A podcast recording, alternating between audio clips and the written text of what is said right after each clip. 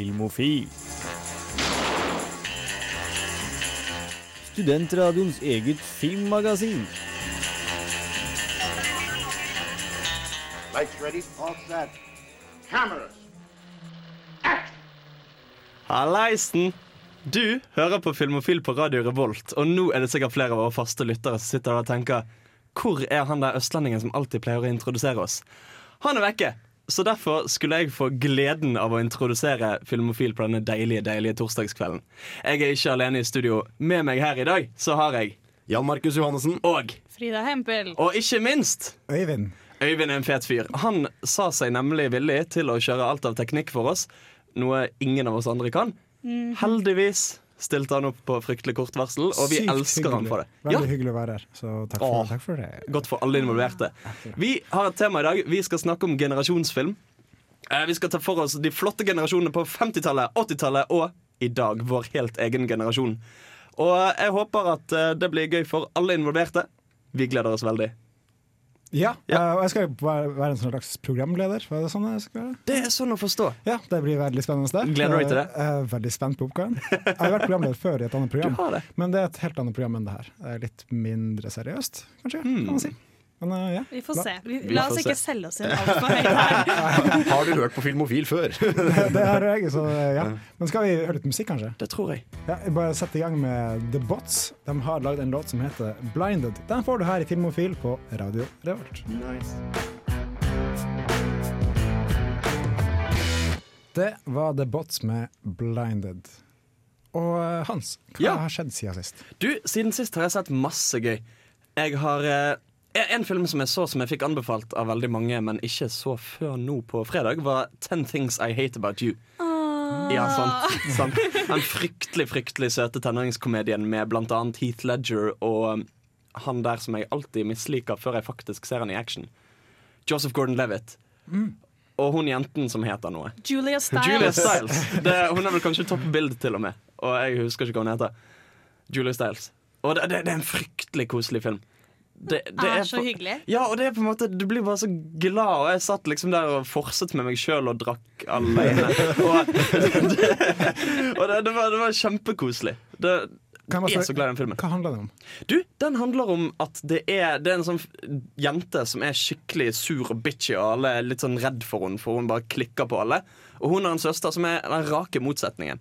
Faren kommer opp med en idiotisk regel om at hvis hun snillesøsteren skal få lov å date noen, så må hun kjipesøsteren date noen òg.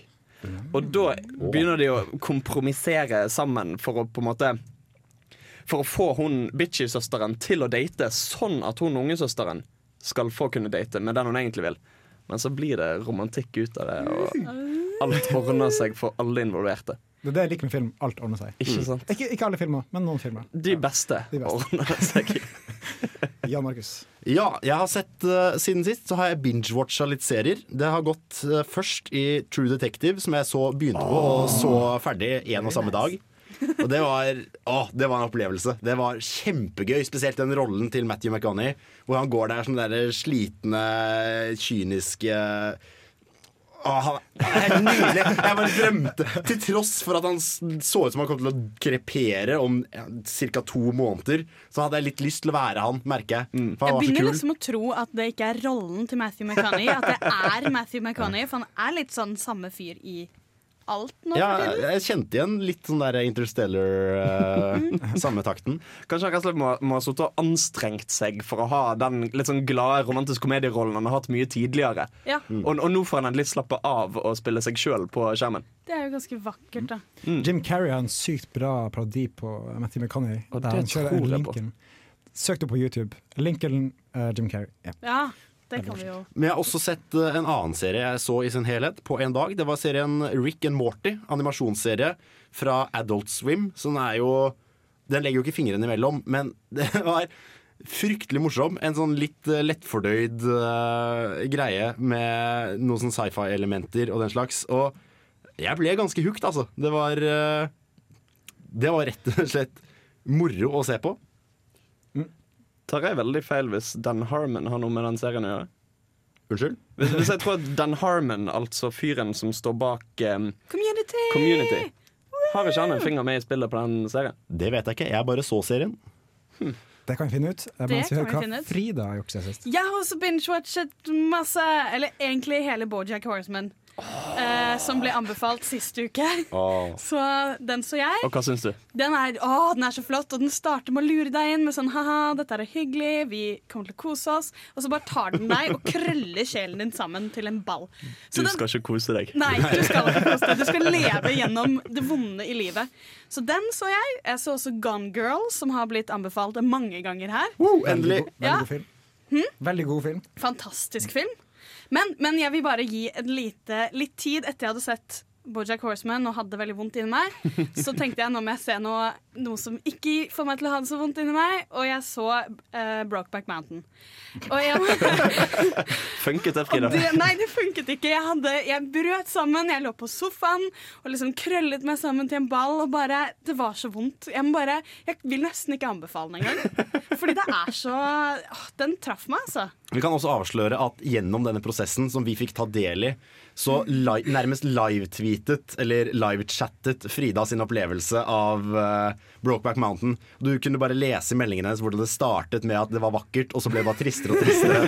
Og så nå må jeg bare ta pause, og nå, nå ligger jeg bare og gråter og jeg er ingenting. Jeg er gelé. Å, men det er jo å, Han har bare jakka igjen. og Det bare, å, ja, ja, ja. Jeg merker jeg begynner Jeg går tilbake til det stedet med en gang jeg snakker om det. Så vi får, ja. Hva har du sett? Uh, jeg har jo ikke vært der før, så siden sist. Uh, eh, men uh, min siste filmopplevelse var 'Boyhood', og det er en av de fineste filmene jeg har sett. Ja, du syns det? Jeg syns det er var en vakker film. Var Koseligere å se på den, rett og slett. det, er den, det er den med han som De filmer den hver sommer, så han vokser opp i filmen. Ja, han følger Alle skuespillerne er de samme skuespillerne. I sånn sju år. Ja. Ja, det er noe sant. Men det er, det er veldig veldig kult konsept og veldig bra film. Så den vil jeg anbefale. Mm. Eh, utenom det så vil jeg også anbefale Kollektivet på TV2. Ja. Det er kanskje det beste norske humoren for tida. Det er gøy. eh, Akkurat uh, der. Og etter vi skal høre neste låt, skal vi få en uh, anmeldelse av Utbud. Men nå får du Orango med Keyun Queen.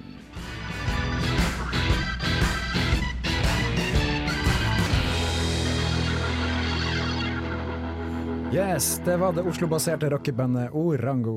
Og Hans, Ja. du har anmeldt film. Jeg har anmeldt film. Jeg var på kino på mandag og så filmen Utburd. Altså et prosjekt av eh, studenter, de er vel filmstudenter kanskje til og med, på NTNU. Som er rett og slett en eh, skikkelig kul skrekkfilm. Mm. Jeg kjenner en eh, av skuespillerne, Jør oh, ja. Jørgen Hunstad. Hvem spiller han i filmen? Det er jeg ikke helt sikker på, jeg har ikke sett filmen. Men Kan, kan, kan du gi et signalement? eh, østlending, litt blondt hår. Ja, ja, ja. Hvis dere har sett denne mannen, bør vi ringe inn snarest.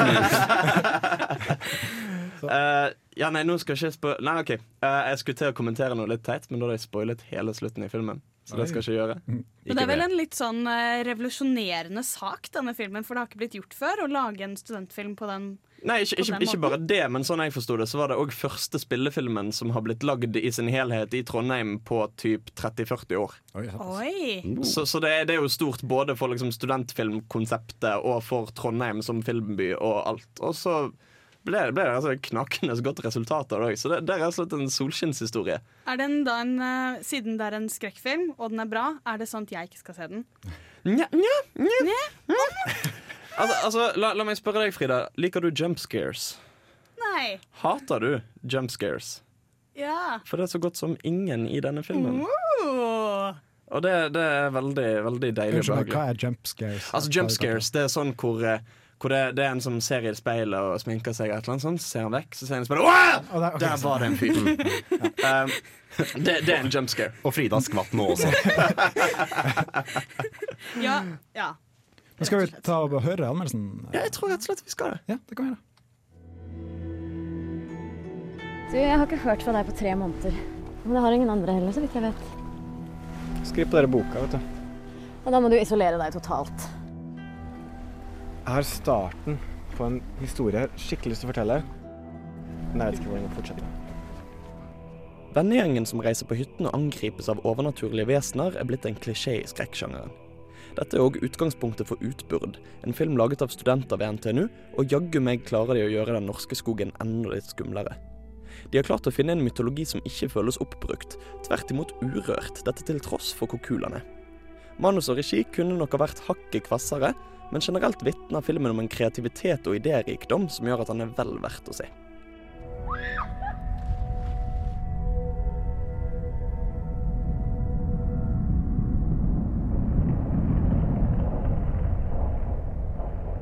Hva drømte du, da?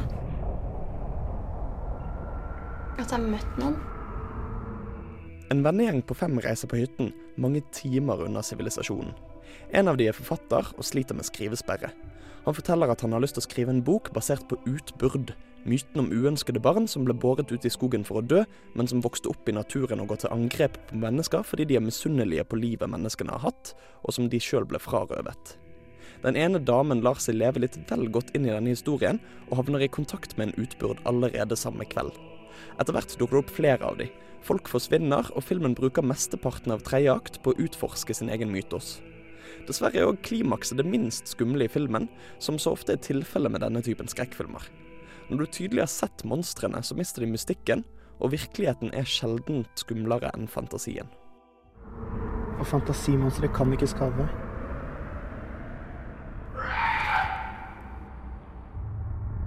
Det er bare en historie. Heldigvis blir det skikkelig guffent underveis, og det er tydelig at det finnes gode ideer som ligger bak alt som skjer.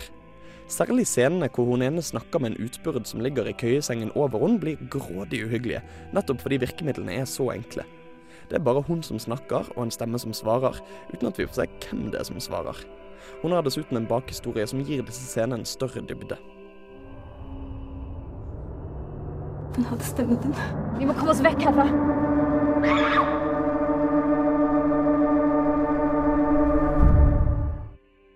I det store og hele er Utbyrd en film som bør sees. Det er en film som gir en optimistisk følelse. Selv om han virker noe upolert, så er det tydelig at dette er folk som har en veldig lovende framtid innen filmskaping. Han er full av kreative løsninger, og jeg kjenner jeg er spent på hva de skal finne på seinere, når de har mer erfaring og større budsjett. Det er likevel ikke sånn at han kun skal sees pga. potensialet. Han er en knallgod grøsser i seg sjøl, og er vel verdt å se om du føler at hytten føles litt vel trygg. Vil ikke vite hvordan historien fortsetter? Så det var altså utbyrd. Er dette litt sånn Cabin in the Woods-sjanger? Sånn ungdommer som drar ut, og så dør de Ja. en etter en? Ja, altså Konseptet er jo akkurat det samme. Altså, det, det, er jo, det er jo dette konseptet som blir brukt om og om igjen i så mange skrekkfilmer. At du har en vennegjeng som reiser ut på hytten og er, er langt unna alle andre og bare sitter der for seg sjøl, og så begynner det å skje skumle ting. Og så. Så dør de svarte og slutty først? Ja. Nei, eh, det, for, for det første er det ingen svarte i denne filmen. Eh, nei, uff, det ble Mange, teit. mange sluts. Fryktelig mange. Okay. Nei, nei, altså sånne klisjeer klarer han å styre veldig fint unna. Altså, annet enn selve hovedkonseptet, så er det ikke en så klisjéfull historie som han kunne ha blitt. Altså, altså Det er ikke en typisk at hun som puler, er den som dør først. Og det, det er ingen svarte som dør først. Det er liksom, han klarer å unngå de der, og det er ikke sånn Let's split up. Eller det blir litt, litt, litt sånn blir det. Litt sånn blir det. Men, men, men det, det, som, det som gjorde han så jævla kul, er at det er mye Altså Han ble jo lagd på et lavt budsjett, og det kan du til en viss grad se. Men det du òg ser, er at de har funnet mange kreative løsninger på hvordan de kan gjøre det skummelt på et lavt budsjett. Uten at det går på en måte utover kvaliteten? da At du Ja, føler, ja. føler at det er billig? Al- Altså, altså, det er, altså Det er den ene scenen som jeg snakket litt om i anmeldelsen, hvor hun ene, altså hun som lar, lar denne historien påvirke seg veldig, da. Hun ligger i en køyeseng, og så, så plutselig hører hun en stemme som snakker til henne. Som er da en liten sånn barnestemme, som er en av disse utbyrdfolkene. Og du, du får bare se ansiktet hennes, og så skyter de opp med kamera på liksom bunnen av sengen over henne, hvor stemmen kommer fra. Og du får, du får, det tar lang tid før du faktisk får se dette monsteret som ligger der oppe. Men, men, men, men det blir en veldig sånn effektiv, sånn ekkel stemning i hele den scenen. Mm, jeg kjenner jeg har lyst til å se den filmen, altså. Er det litt den derre Doctor Who Sånn tidlig Doctor Who-effekten, hvor de på en måte OK, spesialeffektene våre er såpass ræva at vi må skrive veldig kreative monstre og liksom skyte dem kreativt og jobbe oss veldig rundt det at vi ikke bare kan være sånn Der! Dette var det skumle. Og det har vi jo, som vi snakket om, for de som har hørt etter mange ganger, eh, i horrorepisoden vår Ja. så snakket vi om det at det er jo ofte mye skumlere enn ting holdes tilbake for deg. Og, og Mm. kanskje det at de nettopp må holde ting tilbake fordi de ikke kan bare CGI. Dette er en skummel ting. Ja, det, Det er kult. Men, men det ser du jo etterpå, for etter hvert får du se flere og flere av disse monstrene. Og de, de, de er jo sminke Altså, det ser veldig ekte ut og bra ut. Eh, de, de, har, de har brukt mye Det er lite dataeffekter. Altså, alt er jo gjort med liksom sminke og kulisser, men det har de fått veldig bra til. Og det, og det tror jeg nesten Det er nesten litt sånn Altså, altså, altså jeg kjenner at her det, det, det, er så, det er så lurt gjort, veldig mye av det. Så det er på en måte samtidig så har jeg lyst til at disse bare skal få kastet penger på seg av Norsk Filmfond. Og bare dere får lov å lage. Lag film. Samtidig så er jeg nesten glad for at de hadde så lite penger som de hadde, nettopp fordi at det tvang de til å gjøre, gjøre ting på billige måter, som så ofte blir bedre måter. Med kreative måter, ja, ja, altså. sant? At det på en måte tvinger de til å tenke nytt og tenke utenfor boksen. og alt mulig sånn Men, men, men jeg, vet- ikke, jeg setter bare igjen med en følelse av at dette er flinke folk som hvis de liksom blir de neste store i Film-Norge, så har vi mye fint foran oss. Som jeg er ikke så veldig glad i skrekkfilm eh, Du er per, per se. Eh, men eh, basert på anmeldelsen din, og basert på at det er trondheimsfolk som har Mm. lagd det, så er det veldig, sånn, veldig Ja, han, han, er, han er ikke fryktelig skummel. Altså, han har elleve det, 11 års aldersgrense. Kanskje litt i skumleste laget for en 11 års aldersgrense, men, okay. men, men det, det, han blir ikke sittende med deg sånn dritlenge. Det, Nei. Det er sånn, det, det, det er guffent der og da, men så går du ut og tar deg en uh, is, og så ja, litt sånn måte. Ja! Ja. ja. Kjempesammenligning. Nå, nå så jeg noe, det var jeg dritredd for da jeg var liten. Fytti grisen jeg var kid og så til julekalender. Første gangen han får de tennene og de har bildene på vei. Ja. Er det noe man skal holde inne at man aldri har sett i julekalender? Ja. ja, det skal Ja, det- du holde inne. skal holde hemmelig? OK. Men vi skal høre på litt mer musikk. Det er en liten eh, jeg vet ikke om han er liten, men det er en funky fyr som heter Theophilus London. Han har lagd en låt som heter Do Girls. She told me that she only do girls since she met a player like me.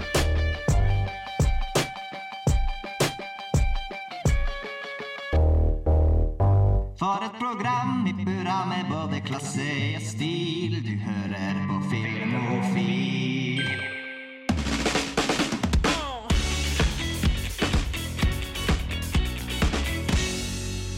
Det var Trondheimsbaserte LSD TV, og det hadde vært litt av en opplevelse å binge-watche mens man tar LSD, er det ikke det? Helt sikkert. Spesielt Rick and Morty, tror jeg. Ja, har ikke prøvd det. Men Burde vi understreke at uh, Filmofil tar sterk avstand fra bruk av illegale rusmidler? sterk, sterk avstand. Så mye avstand tar vi. Så holder jeg opp hendene for de som ikke ser. Men Jan Markus, din generasjon. Ja, vi starter der hvor generasjoner starter. Uh, etterkrigstida. Men det er en grunn til at jeg sier nettopp dette. Fordi før denne perioden så var det egentlig aldri en veldig klar definert ungdomstid. Du var enten umyndig og barn, eller så var du voksen for å regne. Altså du var klar til å dra i krig, og du var klar til å skaffe deg jobb og fø familien osv. Um, men vi starter i år 1955 med filmen 'Rebel Without a Cause'. Med da superstjernen som døde ung, eh, James Dean, i hovedrollen. Det er en eh, film som omhandler ganske banebrytende for sin tid om nettopp det å være ungdom og komme i denne perioden hvor du er mellom barn og voksen. Og vi kan eh, høre et klipp fra denne filmen hvor vi hører da James Dean gjøre noe ganske revolusjonerende som jeg skal prate om etterpå. Han uttrykker følelser på en måte som ikke har gjort så mye i film før. Kjør. Well, I don't see what's so bad about taking a little drink. You don't? No, I, I definitely He's a don't. minor, Mr. Stark, and it looks to me like he had more than a little drink. Don't hum, dear. Ah, I got loose pretty good in my day, too. Oh, really, Frank? When was that? Can't you wait till we get home? How about you, Jim? Got anything to say for yourself? Not interested, huh? Can't you answer? What's the matter with you, anyhow? He's just loaded, honey. I was talking to Jim. Well, I'd uh, like to just explain. You see, we just moved here, you understand, and the uh, kid hasn't got any friends, you Hey, understand, well, and him we why we moved moved into it. Will you hold it, Jim? Tell him, why- tell him, man, why we moved here. Will you hold it? You can't protect me. Do you mind if I try? Do you, do you have to slam the door in my face? I try to get to him. What happens? Don't I buy everything you want? A, a bicycle? You get a bicycle. A oh. car? You buy me many things. No, no, no. Well, not just me buy. things. Well, We give you love and affection, don't we? Well, well, then what is it? Was it because we went to that party? Well, you know what kind of drunken brawls those kind of parties turn into. It's not a place for kids. A minute ago, you said you didn't care if he drinks. He said a little drink. You're tearing me apart! What? You, you say one thing, he says another, and everybody changes back again!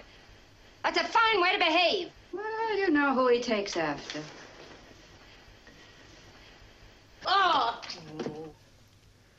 Så her hører vi da uh, en Jim spilt av James Dean som sitter i fyllearresten uh, etter å ha vært uh, veldig full og blir hentet av foreldrene sine. Og dette er da, som du hører, at han er eh, Han er veldig opprørt, og han sitter nærmest og skriker til foreldrene sine. Og det er egentlig Det er en slags Den filmen er et slags opprør mot foreldregenerasjonen og det å få være ungdom. Altså Jeg får veldig inntrykk av liksom den, den lille sånn kjennepreken som kom inni der, i det klippet du visste nå. At dette ble veldig sånn bruddet mellom de som vokste opp under krigen, og de som ble født rett etter krigen. At det var at litt det inntrykket at du har de som vokste opp når alt var kjipt og alt så ut som det gikk til helvete, og de lærte seg å sette pris på veldig sånn materialistiske verdier. Så der, Derfor sier jeg We bought you your car, we give you everything you want, we buy everything you need. Mens han stakkars lille James Dean, han vil ha så mye mer enn det. Han vil ha kjærlighet. Han vil ha kjærlighet, han vil ha selvrealisering. Mm. Altså det, det er sånn Maslows behovspyramide-opplegg her, som liksom står litt i, ikke helt i vater i forhold til foreldregenerasjonen. At det skjer sånn brudd der. Får du det inntrykket i filmen? Ja, litt. Det er, eh, det er flere, du møter flere karakterer i denne filmen her. Og alle har på en eller annen måte foreldre de er misfornøyd med. Om det er foreldre som ikke er til stede, som er ofte er tilfellet. Om det er foreldre som krangler hjemme. Om det er eh, Jim som er veldig misfornøyd med faren sin, og som lar seg alltid overkjøre av eh, sin egen kone. Og ja, altså det er rett og slett de, de representerer ungdommen som ikke lenger er fornøyd med sine egne foreldre. Altså, det er jo egentlig litt, eh, en litt sånn interessant parallell her. eh, som jeg nå velger å peke ut. Som er, eh, sånn som du sa, dette er veldig nytt. Det der hvordan han uttrykte følelser. Og dette treffer jo på en, eh, på en sånn brytningspunkt i skuespillertradisjonen. Før det så hadde man en veldig teaterbasert eh, skuespillerstil bygd på Stanislavskij. For den interesserte! Ta ut notatbøkene. Men her så har de eh, James Dean og Marlon Brando var to av de første veldig store method actorn- method. Kanskje du forklarer for våre lyttere, Frida, hva er method acting? Ja, method acting. Å, det var godt at du spurte. Det er at man skal hente fra egne erfaringer. Du skal bli karakteren. Mm. Så du, det er på en måte laget mye mer for film enn uh, den mer teaterbaserte, hvor det er sånn du skal gå inn i en følelse, og det skal være helt mekanisk. Sånn at når jeg flytter den koppen, da blir jeg trist, og da kommer følelsen på den måten. Noe som fungerer veldig bra for teater, for du må kunne gjenta det og gjenta det. Og gjenta det. Og dette er en ny skole der hvor du skal heller bygge ut en karakter, og du skal kunne bli den. Eh, det er en ganske kjent anekdote om Jacqueline Phoenix. Uh, hvor en av motskuespillerne hans ble spurt en gang som ah, er han kul? Og hun var bare aner ikke. Jeg har aldri møtt han, fordi på settet så var han bare karakteren sin hele tiden. Og disse, uh, James Dean og Marlon Brando, er da de to mest kjente foregangspersonene. Og det er jo litt interessant i forhold til det du sa, at dette her Veldig mye av historien er at han har så mye følelser. Og liksom ah, All the feelings, I don't know where to put them. Og mot en sånn der veldig kald, følelsesløs foreldregenerasjon som spiller på den gamle, kalde, følelsesløse måten. Så James Dean gikk da rundt på settet og var en sur tenåring Ja, ja, ja. med liksom alle de andre produksjonsarbeiderne og regissørene og alt mulig? For å leve seg inn i rollen. Selvfølgelig. Du sa at filmen er fra 1955. Det stemmer. Ja, så det er viktig å huske på at uh, Foreldregenerasjonen hadde gått gjennom depresjon, en, Mm. en krig, og så kom Mm. masse shitkids som bare ikke har no noe motgang. Bare, mm, mm.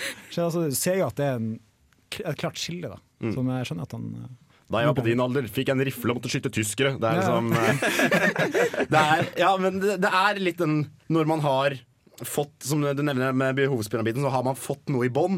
Så vil man på en måte begynne å realisere seg selv. Og det er også, De tar opp veldig mye sånn klassiske tenåringsfølelser, som er nesten en klisjé, da, eller veldig velkjent i samfunnet vårt nå. Med det å 'Hvem er jeg?' og 'Jeg vil finne kjærlighet', og 'Jeg har veldig mye følelser som jeg plutselig ikke hadde før', som jeg ikke vet hva jeg skal gjøre med, og 'Hvordan skal jeg forholde meg til dette her', og 'Foreldrene mine er teite', og sånne ting. Og på den tida så var jo det ganske kontroversielt. Det var faktisk flere stater i USA som forbød å vise denne kino, filmen på kino. Så det var, men allikevel, det var jo stinn brakke når den først kom på, fordi tenåringer har endelig noen som Endelig noen som forstår oss! Løp inn i kinosalen for å se denne filmen og bare var, i, var helt harniske over bare hvor fantastisk denne filmen skjønte dem, da. På en måte som foreldrene, også i filmen, overhodet ikke gjør. Eh, og Vi skal høre litt mer musikk. Og Hans, har du lyst til å introdusere neste låt? For det ligger din dialekt nærmere enn min. Åh, nå skal vi høre bergensbandet Rassika. Fun fact, jeg er på barneskole med flere av medlemmene og slektningene til medlemmene i Rassika. Den sangen heter Gi meg, gi meg, gi meg.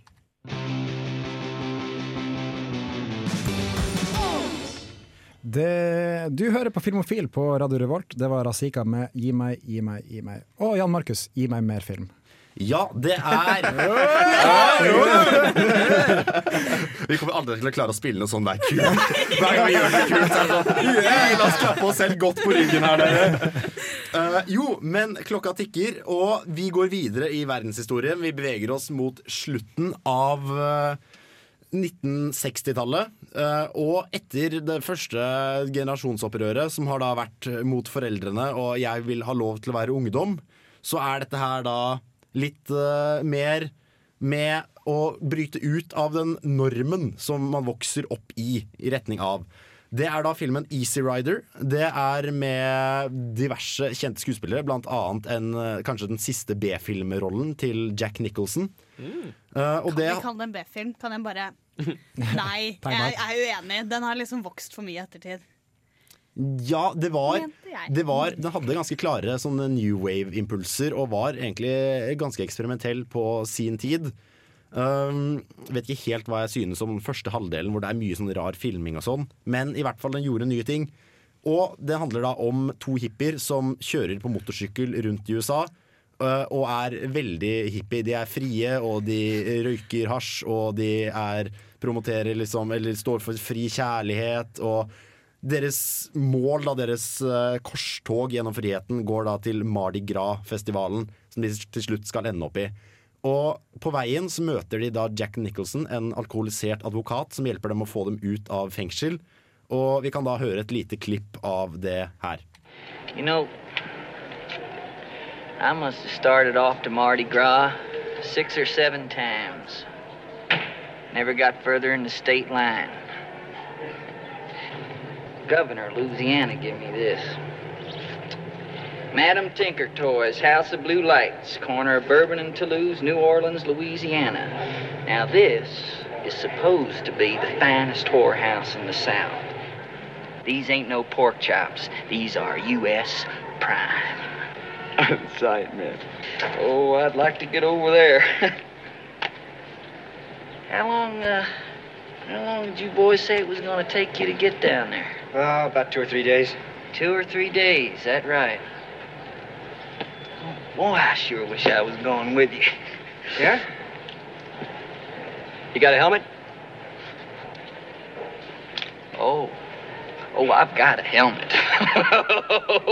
I got a beauty.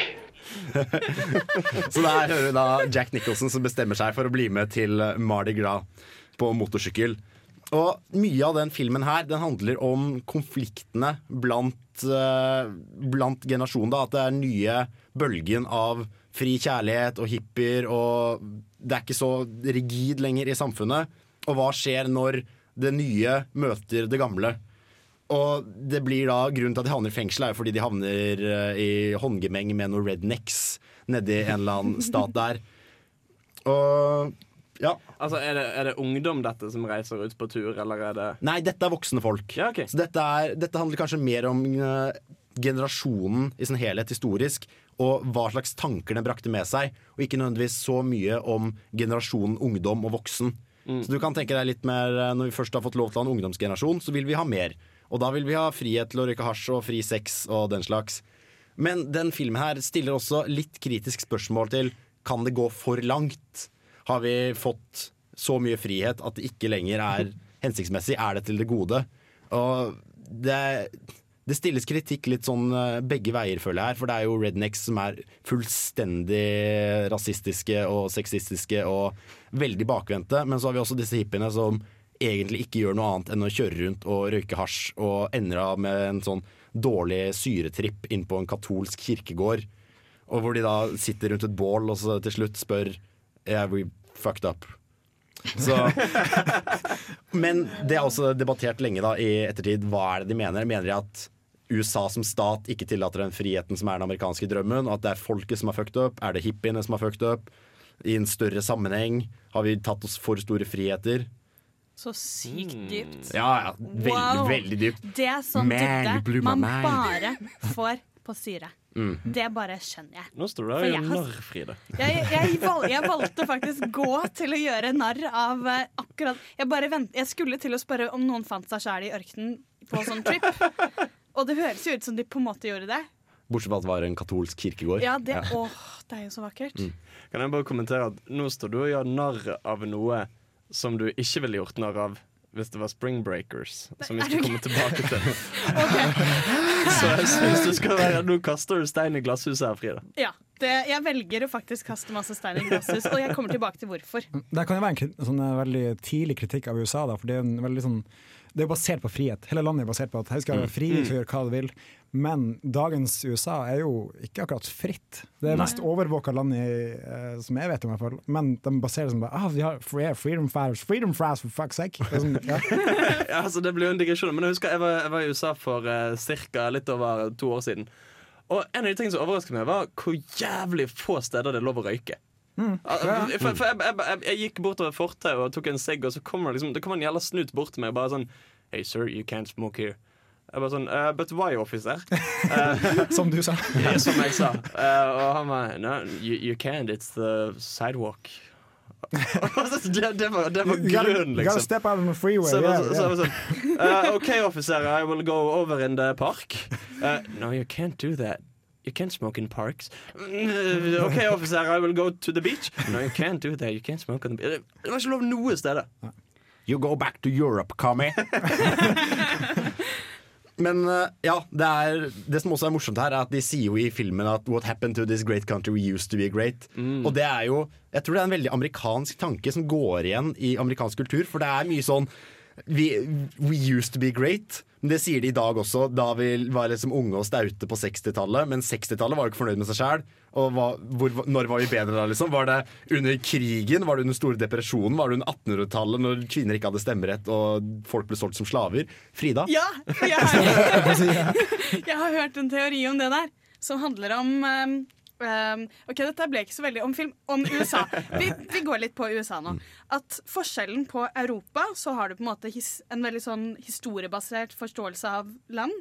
Mens amerikanere er jo bygget av de som fikk brev og var sånn Wow, det hørtes dritkult ut! Drar dit og er Dette er landet hvor man har muligheter. Og den tankegangen har blitt der fordi de er veldig bygget på at folk så det som mulighet, mulighetenes land Mm. og flyttet dit. Og det har på en måte blitt den utop, utopi nå. Tankegangen som de har, mens vi har utopi Nei, snart! Vi håper. Antageligvis ikke. Og med det så skal vi høre litt mer musikk. Vi skal, uh, vi skal høre på Steppenwolf med 'Born to be Wild'.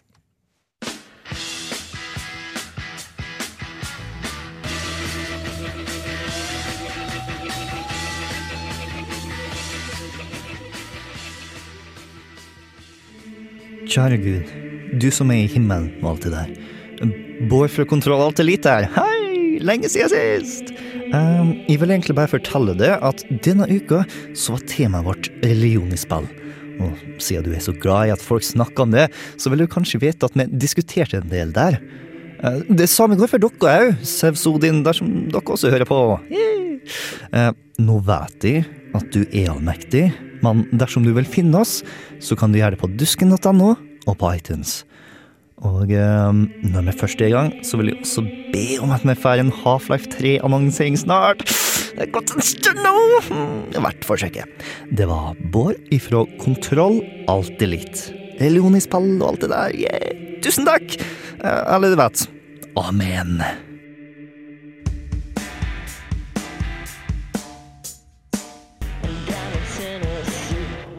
Programmet er fortsatt Filmofil på Radio Revolt. Du fikk The Dead Weather med Buskiller Det er kanskje det kuleste sideprosjektet til Jack White. De kommer med en ny plate neste år. Bare en liten teaser der. Eh, de har gitt ut to plater før.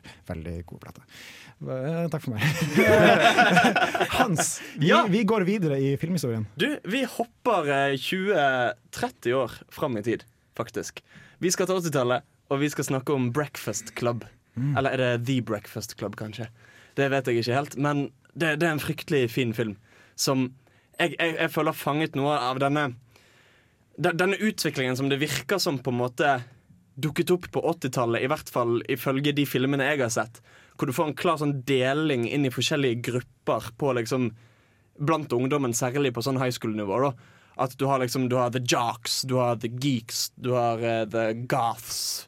Eller jeg vet ikke om goths fant, fantes på den tiden. Jeg vet ikke hvor tid det ble en greie. Weirdos, tror jeg det er. Weirdos, Du har the weirdos. freaks, freaks Ja, and freaks. geeks.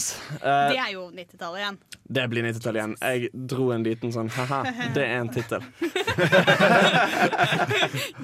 Men, men på en måte, jeg, jeg, føler, jeg føler det er noe med det, da. At på en måte her dukket det opp en slags En slags følelse av at det var ikke, det var ikke bare det at du hadde en konflikt mellom typ kids og foreldregenerasjon. Du hadde konflikter innad i kidsene òg, med liksom at de drev og hadde motsetninger seg imellom basert på liksom sine, sine verdier, hva slags musikk de likte, og hva slags forskjellige ting hva, de syns noe om, rett og slett. Hva slags interesser de hadde. Og det, og det virker som om den tingen dukket opp først på 80-tallet. Eh, I hvert fall i filmverden. Eh, så vi skal høre et lite klipp. Der dukker det fram litt sånn forskjeller som kan forklare litt hvorfor, hvorfor de har blitt som de blitt. Hvor han ene døgenikten, litt sånn fyren som bare går nå rundt og røyker og don't play by the rules. For, for en liten sånn, et lite sånn sammenstøt med hun preppy eh, jenten som alltid følger reglene og lovene og gjør som hun får beskjed om å få gode karakterer og alt sånn. Mm, da hører vi på det. That was great, Claire. My image of you is totally blown. You're a shit. Don't do that to her. You swore to God you wouldn't laugh. Am I laughing? You fucking prick. What do you care what I think anyway? I don't even count, right? I could disappear forever and it wouldn't make any difference. I may as well not even exist at this school, remember? And you don't like me anyway. You know, I have just as many feelings as you do, and it hurts just as much when somebody steps all over them. God, you're so pathetic. Don't you ever, ever compare yourself to me, okay? You got everything, and I got shit. Fucking Rapunzel, right? School would probably fucking shut down if you didn't show up. Queenie isn't here. I like those earrings, Claire. Shut up. Are those real diamonds, Claire? Shut up. I bet they are. Did you work for the money Shut for those your mouth. Or did your daddy buy those for Shut you? up! I bet he bought those for you. I bet those were a Christmas gift, right? You know what I got for Christmas this year? It was a banner fucking year at the old Bender family. I got a carton of cigarettes. The old man grabbed me and said, Hey, smoke up, Johnny. Okay, so go home and cry to your daddy. Don't cry here, okay? God, are we gonna be like our parents? Not me. Ever. Ja, altså her, her ser vi jo at på en måte Det, det virker som at de Sjøl i det at de avbilder denne stereotypen om at du har disse forskjellige gjengene på høyskolen, så dekonstruerer de det litt òg. At, Mm. at det ligger noe større bak det. At grunnen til at eksempel han her fyren som snakker mest i dette klippet, som, så, så, som er veldig sånn tøffing og bøller og sånn, det, det, det er ikke utelukkende pga. at de ikke deler verdier og sånn. At han ikke liker hun preppy jenten. Men at han forakter henne fordi at hun har hatt det så lett i livet når han har hatt en jævla hard oppvekst. Og at, at, at det kanskje ligger noe dypere til grunn. Og det ser du også med veldig mange av karakterene. At han som er jock av dem, eksempel, han, han, har en, han har foreldre som pusher han veldig til å, til å prestere og til å gjøre store ting innen idretten. Og, og, og, og det, på en måte, det går litt dypere i det, da. Og, og du, du får en litt større forståelse for at Faen, de er folk. og, så, og så på en måte greier de samtidig å ta opp litt Altså, altså, altså på en måte at de etter hvert allierer seg mot de voksne. Og dermed tar for seg den ung versus gammel-problemstillingen òg. Mm. Hvordan, hvordan allierer de seg?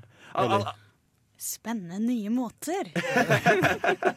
jo, men det er jo en film der hvor de på en måte Handlingen i denne filmen er jo at du har fem stykker som må sitte på gjensett, i, i gjensetting eh, en lørdag. Så de må være på skolen i åtte timer og skrive en stil. Mm. Og så er det da om disse fem som begynner å henge sammen, og blir kjent yeah. gjennom at de endelig må snakke sammen forbi klikken sin. da. Mm. Um, og der har du for eksempel en, altså en veldig tydelig clinch er jo disse her to. Han som er uh, the, the Criminal, er de kaller Ja, han. The stemmer. Criminal og The Princess. Mm. Som har en skikkelig clinch i den at hun er så privilegert, og han er fra et skikkelig skikkelig ræva sånn sosioøkonomisk ståsted. Han er ikke fra et ståsted. Han er skikkelig fattig og har skikkelig drittforeldre og viser jo fram at han blir brent med røyk av foreldrene sine. Og på en måte den interne konflikten de to får av å ha blitt forandret så forskjellig. For hun blir også så sint. Mm. Altså, Du tar meg ikke seriøst fordi du mener at jeg har det så lett. Jeg er jo fortsatt et menneske bak alt dette her. Det, er en, eh, det bryter jo litt ned de derre sosiale rollene de har. Men det som slo meg da jeg så denne filmen første gang, eh, var at alt foregår på samme plass. Det er en, Mm. litt sånn Reservoir, Dogs-aktig greie. Yeah. Men likevel så man blir engasjert. Sånn, du følger Ja. med. Sånn, Mm. det er alltid en sånn eh, skal si, balansegang mellom karakterene. på en måte. Mm. Ja, de bruker, jo, de bruker jo den campusen skulle jeg si, som de er på, for det det er verdt. Mm. Når de driver og løper rundt og prøver å unngå han der eh, counselor-duden jeg, vet ikke- jeg vet ikke hva det heter, det han er. Men han er han, Altså, han The er Man. The man. altså, han Akkurat som i Fer Ferris Bueller, han der fyren som går for å prøve å ta han. Mm. Kjipe Inspector! Inspector er det. er sikkert ordet. Uh, uansett. Eh, for, for han sitter der og på en måte passer litt på dem, men han driver jo etter hvert begynner å loke rundt på egne greier og liksom roter seg vekk på ting. Og, og når de driver og løper fram og tilbake og skal unngå han, så blir det på en måte De får utforsket det arealet de har, veldig godt. Men, men, men det syns er gøy etter hvert, er at på en måte Etter hvert så, så på en måte skjønner de at dette, disse, fordommene folk har mot dem på klikkene deres, er òg et resultat av, at, av voksne som ikke forstår unger. For, fordi de, de, Den stilen de får i oppgave å skrive når de sitter der i liksom detention, er jo 'Who do you think you are?' Og det ender jo opp med at de tar litt den her Hvem faen er du til å spørre hvem vi tror vi er? Vi er folk, for faen. Uh, at, at de på en måte Og det er det vel noe som sies i filmen òg, når han inspe inspektørfyren snakker med en vaktmester på skolen. At uh, faen, disse kidsene blir bare verre og verre, og han vaktmesteren sier Nei, det er du som blir eldre, Shami. Og, ja, ja, men at, at, at, at han tar, tar litt oppgjør med det at kanskje, kanskje ungdommen ikke er så ille som, som, som de skal ha det til. Kanskje det er kanskje foreldrenes skyld. Yeah! Fuck you, parents! Så det. Neste låt er det fra soundtracket til den filmen. Det er fra soundtracket. Den er vel både i begynnelsen og på slutten av filmen. Mm. Og det er selveste Simple Minds med Don't You Forget About Me.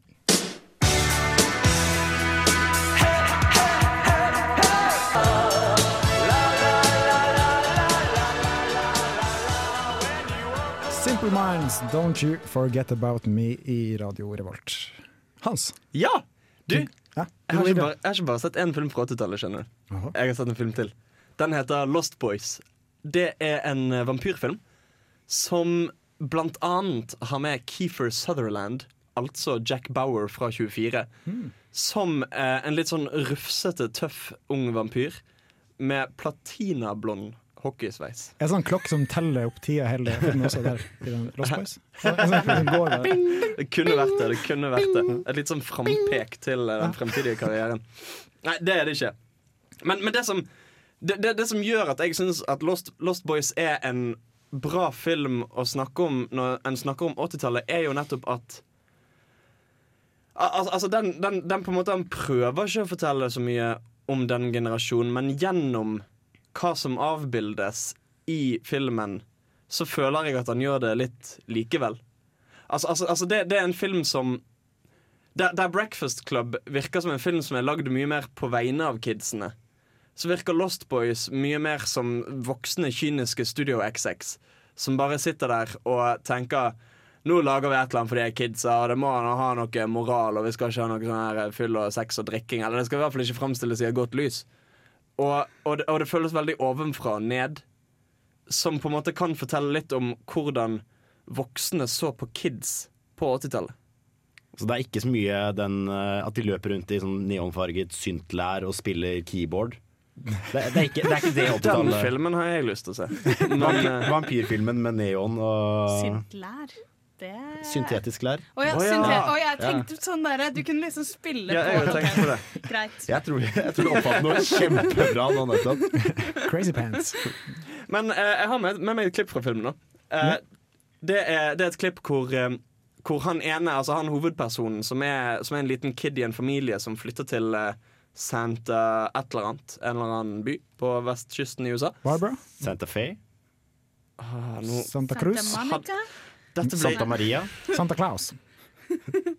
San, Santa Baruba, kan vi Mm, kalle byen. Okay. ja. Uh, Santa Baruba sies å være the murder capital of the world. Og, og han lille kiden som vi følger i filmen, han går inn på en tegneseriebutikk hvor det kan virke som om de som jobber på tegneseriebutikken, vet litt mer om hva som foregår, enn mange andre. Snurrklipp. Notice anything unusual about Santa Carla yet? No, it's a pretty cool place. If you're a Martian, Or a vampire. are you guys sniffing old newsprint or something? You think you really know what's happening around here, don't you? Well, I'll tell you something. You don't know shit, buddy. Yeah. You think we just work in a comic book store for our folks, huh? Actually, I thought it was a bakery. This is just our cover. We're dedicated to a higher purpose. We're fighters for truth, justice, and the American way. Right. Hey, man. Read this. I told you, I don't like horror comics. Think of it more as a survival manual. There's a number on the back. And pray that you never need to call us. I'll pray. I never need to call you. Ja, så Det var cheesy greier. Det var cheesy, og du, du merker at manusforfatteren har ikke brukt mye tid på å lære seg hvordan ungdommen snakker. Og du vet liksom Jeg, jeg vet nå litt hvem som er sketchy her. For han snakker med den der sketchy stemmen. Whatever. Han liksom den derre Du hører han har hemmeligheter. Hey kids, wanna see something unusual? Vel, nøyaktig her, Frida, altså. ser vi hvor overflødige dine Oh fordommer er. For han er faktisk en av heltene i filmen. Så tenk deg Men litt. på en kul måte. Han er Tenk kul, deg- ikke sant? Hvem? Han er kul, han som snakket sketchy. Han, s- mm, mm. Ok, Nei. Jo, OK. Okay. Ifølge filmens interne logikk, ja. Ja, ja. Mm. Ifølge oss kanskje ikke så, i så stor grad. Altså, The Lost Boys er ikke nødvendigvis en veldig bra film, men det som gjør at jeg syns den er interessant, er at altså, på en måte han begynner med at disse Det, det er to gutter han følger, da. Som sammen med sin mor flytter til Santa Carla, var det vi hørte byen het. Og, og på grunn av at moren har skilt seg fra faren, og derfor står de svakt økonomisk, så de flytter til faren til moren, altså bestefaren til disse to guttene.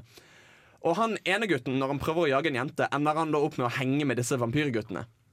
Som, eh, som da eh, Keefer Sutherland, eh, sjefen av. Og, og, og det, og det Altså Det er så åpenbart en metafor for litt sånne eh, røffe motorsykkelgjenger som driver med dop og sånn. Og han på en måte han, han, tar, en slurk av noe Av en flaske med noe inni liksom vampyrleiren. Og bare sånn It's blood. Og så blir han halvvampyr. Og, og det er så åpenbart at det egentlig handler om at de fikk han hooked på noe dop, og sånn Og så skal liksom, må resten av familien steppe inn for å hjelpe han å komme seg ut av dette, for det klarer han ikke sjøl. Og, og, og på en måte det, det er på en måte bare en sånn fordømmelse av alt som altså, altså typ, det, det, blir litt sånn sexy filmer, men det blir sett ned på. Det, det, det er en fordømmelse av mye ungdomsaktivitet.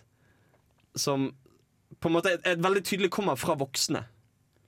Så dette er litt sånn i motsetning til uh, Breakfast Club, som er liksom Ja, vi er dagens ungdom, hva skal du gjøre med det, vi er mennesker? Så er det dette mer sånn Dette er dagens ungdom, se, de driver med dop, og Ja, de er skumle tenåringene, må du holde deg unna og sånn.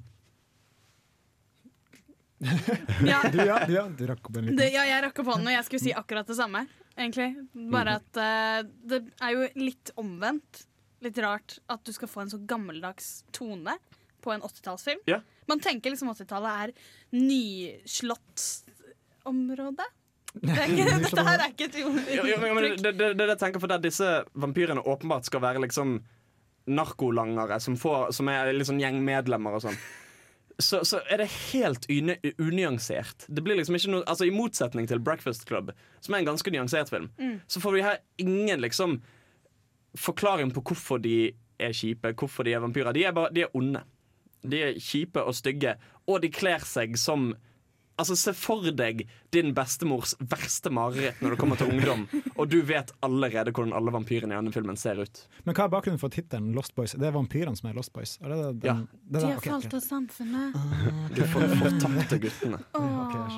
Ja. Så, så det fins ikke noe håp for dem. Det, det er òg litt sånn moralen i den filmen. Altså, det, ordner seg, det ordner seg for han som bare ble halvvampyr. Han, han klarer å komme seg ut, men for vampyrene, vet du hva?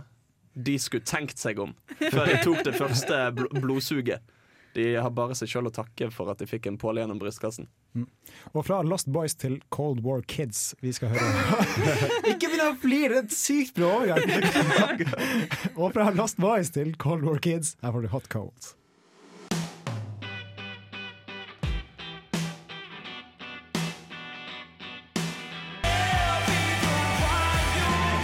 Du hører på Radio Revolt, studentradioen i Trondheim.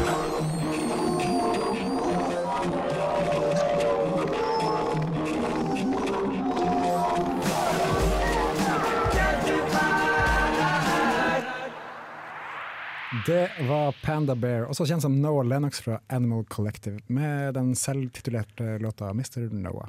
Her i Filmofil på Radio Revolt. Eh, vi har flere filmer, og det er Frida neste. Ja! Ja. Vi skal ta et stort skritt fordi vi hopper over de tiårene vi ikke gidder å snakke om. Så vi snak skal snakke om nå! Yay! Og oss! I dag. På det. I dag, ja. Mm. Så vi skal faktisk starte med en, eh, en film som jeg merker jeg nesten er litt En eh, klassiker. en klass jeg er litt så nervøs for å ta den opp med de blikkene deres dere sender meg nå. Vi skal snakke om Superbad.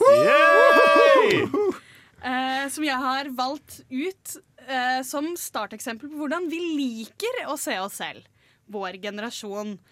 Uh, jeg, for at vi skal få sånn grunnlag å diskutere på for alle lamosene som ikke har sett den fra før, så starter vi bare med klippet, egentlig.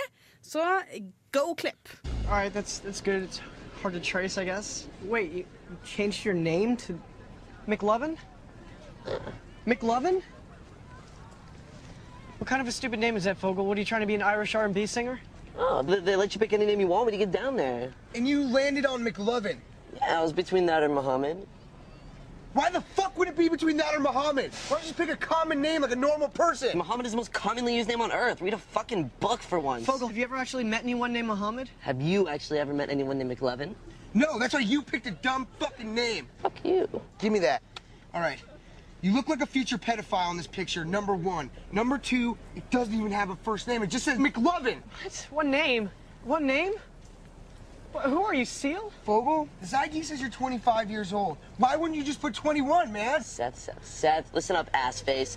Every day, hundreds of kids go into the liquor store with their fake IDs, and every single one says they're 21. Just how many 21 year olds do you think there are in this town? It's called fucking strategy, all right? Let's stay calm, okay? Let's not lose our heads. It's, it's, it's a fine ID.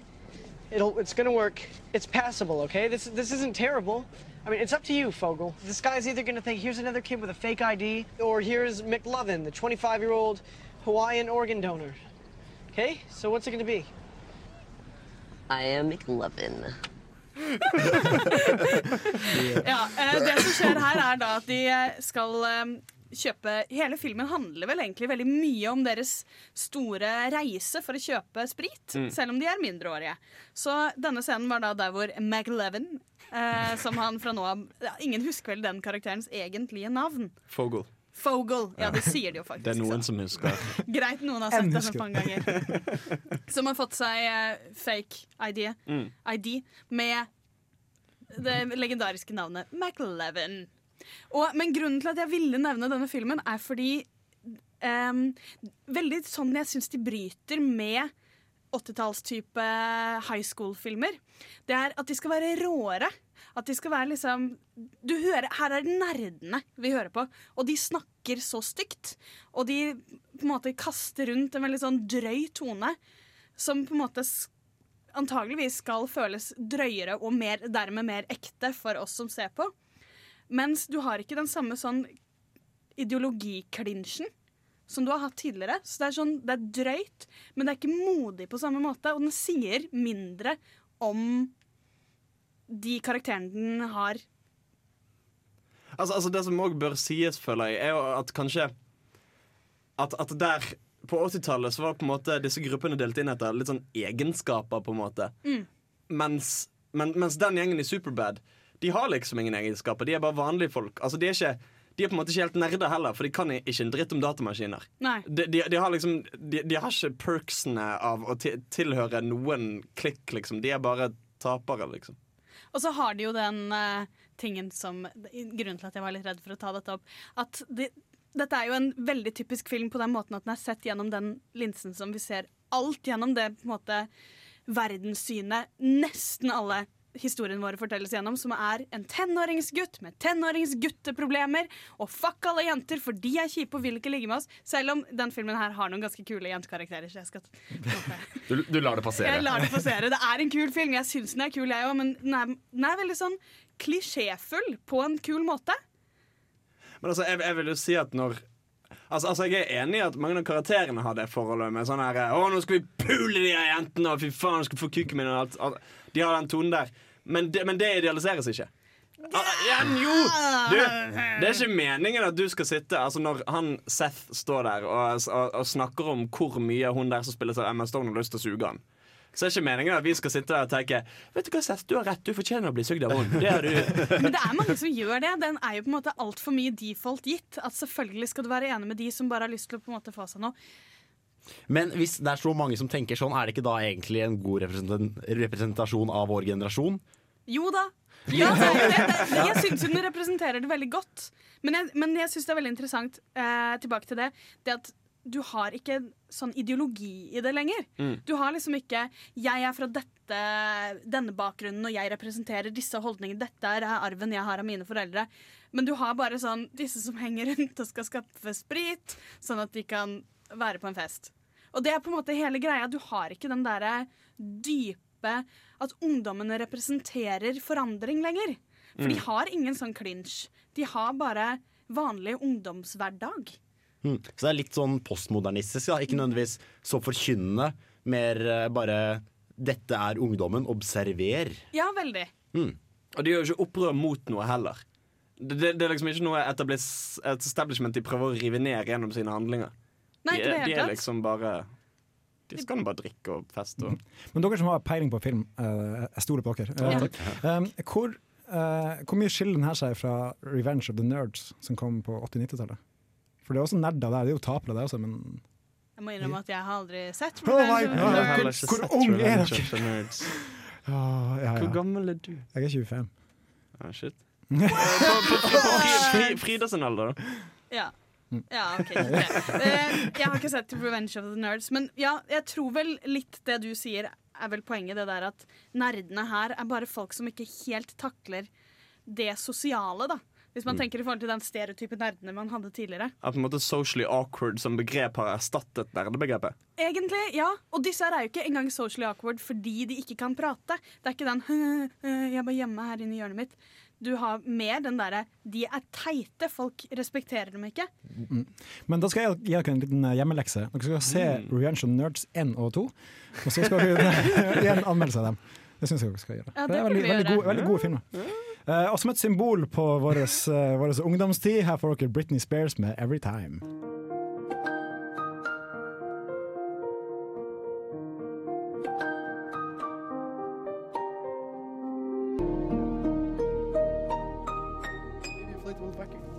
Det var Britney Spears med 'Every Time' her i Radio Revolt. Kanskje vår tids største poet. Kanskje. kanskje. Men nå over til en film som har eh, 5,3 på IMDb. Vi fant ut nå, wow! Den er faktisk, eh, denne sangen var eh, ment for å lede oss inn i den vakre filmen som er Spring Breakers. Og hold på kritikken, for vi vet hva dere ønsker å si. Den dustete filmen med Selena Gomez og Vanessa Hudgens og James Franco. Ja, det er den vi snakker om. Frida, Er ikke det bare en dustete film med Selena Gomez og James Franco og de der der? Og bare typisk sånn at nå skal de der Disney-stjernene være litt sånn sexy og edgy og sånn. Veldig hyggelig at du spurte. uh, den her er egentlig bare en fortsettelse av det jeg nevnte tidligere, som er på en måte mangel på en sånn konflikt. Og dette her er en film som tar det videre et steg, og snakker om Den handler egentlig om mennesker uten innhold. De vet ikke hva ordentlig innhold er, for de er veldig lært opp av MTV. Veldig typisk MTV.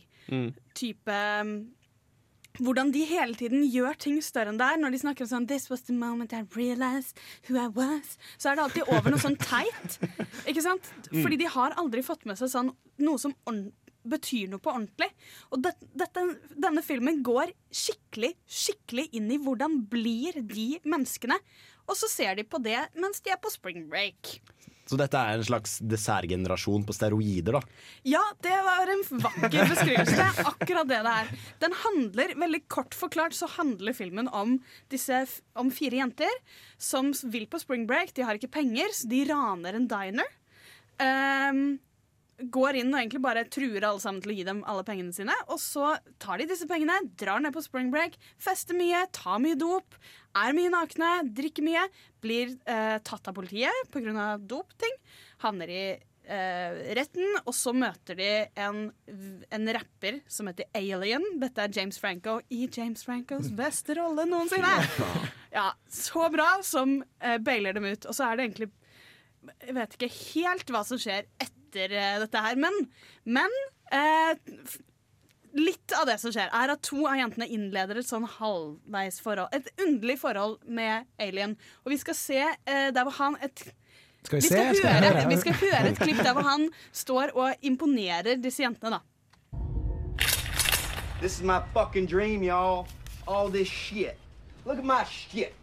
I got I got shorts, every fucking color. I got designer t-shirts. I got gold bullets, motherfucking vampires. I got Scarface on repeat. Best movie. Scarface on repeat. Constant, y'all. I got Escape, Calvin Klein Escape. Mix that shit up with Calvin Klein B. Smell nice. I smell nice. Ain't a fucking bed, that's a fucking art piece. My fucking spaceship, USS Enterprise on this shit. I go to different planets on this motherfucker. Me and my fucking Franklins here, we take off. fucking take off. Look at my shit. Look at my shit. I got my blue Kool-Aid. Ooh, you got your Kool-Aid. I got my fucking nunchucks. I got shurikens. I got different flavors. I got them. I got them size. Look at that shit. I got size. I got blades. Look at my shit. This ain't nothing. I got. I got rooms of this shit. I got my dark tanning oil. Lay out by the pool. Put on my dark tannin oil. Machine guns. Look at this. Look at this motherfucker here. Look at this motherfucker. Huh? A fucking army up in this shit. Yeah! yeah! Og det er, eh, det er jo veldig absurd, og det må man nesten si før folk ser den filmen. Og, eh, og det tror jeg egentlig er noe av den, det den filmen gjør lurest. For den prøver ikke å få folk, til å, folk som nyter kunstfilm, til å komme og se på seg. Den prøver å få folk som ville synes det var dritgøy å se på en uh, film om uh, fire jenter som drar på spring break. Og så lurer den dem inn med falsk reklame, og så er det sånn pow, dette er deg! Dette er deg! Og det er derfor uh, den har lav rating på IMDb. Kan jeg bare Ja, det var det jeg skulle si. Altså, tror du det har fått det som et resultat blitt til at den har fått så lav rating som den har? Ja, jeg, jeg tror det, for jeg tror det er mange som kommer inn og ikke skjønner helt hva filmen prøver. Mm. Den, men, men man forventer Den bryter så mye av det man forventer. Man forventer at når disse jentene kommer i fengsel, så er det sånn Å ja, men selvfølgelig, nå må de få tilbake for at de gikk og festet og Hele greia med Alien, sånn som her, du hører de liksom sitte og fnise og være sånn jentete. Eh, og du forventer hele tiden at de skal få igjen for det. Og den, gjør, den gir dem aldri igjen for det. Du tror ikke bare du undervurderer publikummet, da, at de i møte med denne filmen får et slags speil holdt opp mot seg selv og ser dette er deres generasjon. Og de hjernen deres bare smelter og løper litt i MDB for å straffe filmskaperen for å ha gitt dem sannheten. Kan veldig, veldig, veldig godt være. For det Mm. er sannheten, denne filmen. Men, men, men altså, jeg kjenner at dette er jo en film som er veldig sånn Nettopp fordi at han gjennom markedsføringen og sånn har vært så ambivalent i forhold til hva som er filmens egentlige budskap før du faktisk ser han, Mm. så kjenner jeg at dette er en film jeg faktisk ikke respekterer at folk sier de ikke liker. Nei, det gjør ikke jeg Altså, heller. for- Hvis folk sier sånn Du, jeg syns ikke Independence Day var noe særlig, så kan jeg tenke ja, men, greit, alle trenger ikke like den. Men, men, men, men, men jeg skjønner så veldig godt alle grunnene til at folk kan tro at de ikke liker Spring Breakers. Og dermed så bare sånn nei, Jeg kjøper ikke den. Jeg skal innrømme at jeg har ikke sett filmen. Eh, og grunnen til det var traileren. da Jeg, så, Mm. eh, jeg, jeg digger James Franco. Han er en veldig dyktig skuespiller, forfatter, alt mulig. Han er sånn wonder eh, kid. Mm. Men bare den traileren bare Det her er ikke min type film, tenkte jeg da. Derfor har jeg ikke sett den. Nei, Så- men det er, det er det som så mange tror. Jeg hadde faktisk en, en av de heftigste kranglene jeg har hatt det siste Mhm. året, var med en som prøvde å si jeg liker ikke den filmen fordi karakterene er endimensjonale. Og så ble jeg bare helt sånn Men da har du ikke skjønt noen ting! De skal være endimensjonale, for det handler om personer som ikke har dimensjon. Det er det han prøver å snakke om. Hvordan vi tar mening fra mennesker og aldri lærer dem hva det vil si å være et helt menneske. Og så bare kommer man med sånn lame greie sånn Jeg vil gjerne at noen av dem skal liksom vokse litt personlig. Poenget er at de ikke vokser personlig! Altså, Jeg syns jo for eksempel at um, American History X Den hadde vært bra hvis det ikke hadde vært så mye rasisme i den. Brannfakkel. Jeg bare holdt den tilbake. Jeg skal bruke det jeg har nå på Spring Breakers. Det er jo litt sånn mennesker som på en måte aldri har hatt noe motstand, aldri opplevd noe, aldri hatt noe mening i livet sitt. Jeg får litt sånn flashback fra folk som nettopp har slutta på ungdomsskolen. Og så, sånn der, så det er sånn en tre avsnitt lang status på Facebook med liksom en 14-åring sier 'Dette har vært den beste tida i livet mitt, og jeg skal aldri glemme dere', og sånn fire hjerter og sånn tre gråtesmiler og bare sånn Litt sånn mennesker, umodne mennesker som bare legger kanskje litt for mye mening til ting som ikke har så mye innhold. Men, men, men altså, jeg hvert fall at når jeg så den filmen, jeg kjente meg så jævlig igjen i det. Al al altså, altså, for det er, det er jo Som Franco, eller hvordan? Nei, nei i, i, særlig en av hun som spilles av uh, Selena Gomez. Er det Mm. Noe? For, for, for der er det noen sånn greier hvor hun ringer hjem til moren eller bestemoren, eller hvem det er. Og så, så snakker hun om oppholdet sitt i Det er vel er det Mexico de er i på spring break? Ja, det tror jeg. Jeg tror det. Tijuana, Mexico. Noe sånt. Eh, hvor hun snakker om oppholdet sitt som bare sånn It's like this big spiritual journey. I feel we really found ourselves here. Og dette kryssklippes med den ville festingen de holder på med. Hvor folk driver og snorter kokain av puppene til hverandre. Og jeg, jeg kjenner at når, når, for eksempel, når jeg har snakket om Roskilde, for eksempel, så har jeg kommet i fare for å omtale det litt på samme måte, fordi at jeg innbiller meg at det er noe større. Det er ikke bare en sånn svær grøftefest. Det blir et sånn samfunn, sant? hvor du på en måte alle, alle har en sånn felles, felles samfunnsånd. Al- det, jeg følte meg veldig Kjente meg igjen der. Men det, det må veldig sies, for til, i motsetning til tidligere, hvor de har en veldig sånn De filmene vi har snakket om før, så har du veldig Enten så er det liksom ungdom er kjipe, de er umoralske, eller så har du ungdom er egentlig mennesker. De er egentlig de ekte menneskene. Eh, men denne filmen her klarer å vise det teiteste ved oss selv, som er den ungdomsskolestatusen sånn I love you guys! Og de klarer å se på det uten å virkelig dømme det. De på en måte bare viser det, og, og du skjønner så veldig at når hun ringer hjem og forteller This is such a spiritual place, da, da, da, så mener hun det. Hun, dette her er noe av det viktigste hun har opplevd i hele livet sitt. Og du kan ikke kalle henne teit for det når man aldri har gitt henne noe annet. Men Frida, du nevnte at det er kanskje den beste rollen til James Franco. Men Mhm. Er det fordi det er sånn fish out of water? på en måte? For jeg kjente han ikke igjen på en måte, sånn gangsta-rapper. liksom. Ja, jeg vil kanskje si det, for det er, det er en sånn veldig spesiell karakter. Og det er kanskje noe med det at han har så lite å dra fra, utenom at det fins en rapper som han har visst spilt veldig mye på, Uh, som vi kan sikkert legge ut en musikkvideo eh, t- til. Har ikke, har ikke vi en Facebook-side? Vi har en Facebook-side, vi kan legge den ut der. Men det er et eller annet med at James Franco forbinder du veldig med at han skal føle mye, og han liksom method actor, og, Mm. som vi snakket om tidligere. Og dette her er bare så, han er så lite verdig. Han kommer inn som en sånn underlig karakter som bare Han vet jo ikke noe bedre, han heller. Og det forholdet han lager med de jentene, de, de mener så veldig intenst at dette her er det viktigste som har skjedd i hele livet deres. Men, men det synes jeg, altså, den karakteren som James Franco spiller Altså Det er jo antitesen til de du snakker om som, eh, som sa at det var så endimensjonale karakterer. For han er jo en så Det er så masse, masse nyanser der, og på en måte hva han egentlig vil, og hvordan han, hva han tror skjer, og hva som faktisk skjer med han rundt de jentene. Det skjer jo så jævlig mye interessant der. Jeg tror jeg fikk litt sånn Når jeg så denne filmen, så var det litt sånn Er ikke dette her russetida? Hvor, hvor liksom folk bare Å, vi må kjøpe buss, og det blir beste tida i livet vårt. Og det bare endrer oss som mennesker. Og vi bare, å, det er det største som har skjedd meg! Og, Det er jo det. Så hvis du ser den og sammenligner med russetida, så er det litt sånn Oi. Du bør kjenne deg igjen. Ja. Du Mm. bør virkelig, virkelig kjenne deg igjen. Så alle sammen bare Spring Breakers. Du tror det ikke selv, men du vet ikke hva du kommer til å få. Jeg lover. Jeg skal definitivt eh, sjekke ut denne filmen her, eh, basert på den eh, energiske diskusjonen her i studio. Vi begynner å nærme oss slutten her i Filmofil, men vi skal høre litt mer musikk. Her får du Sun in Sound med Calm Down.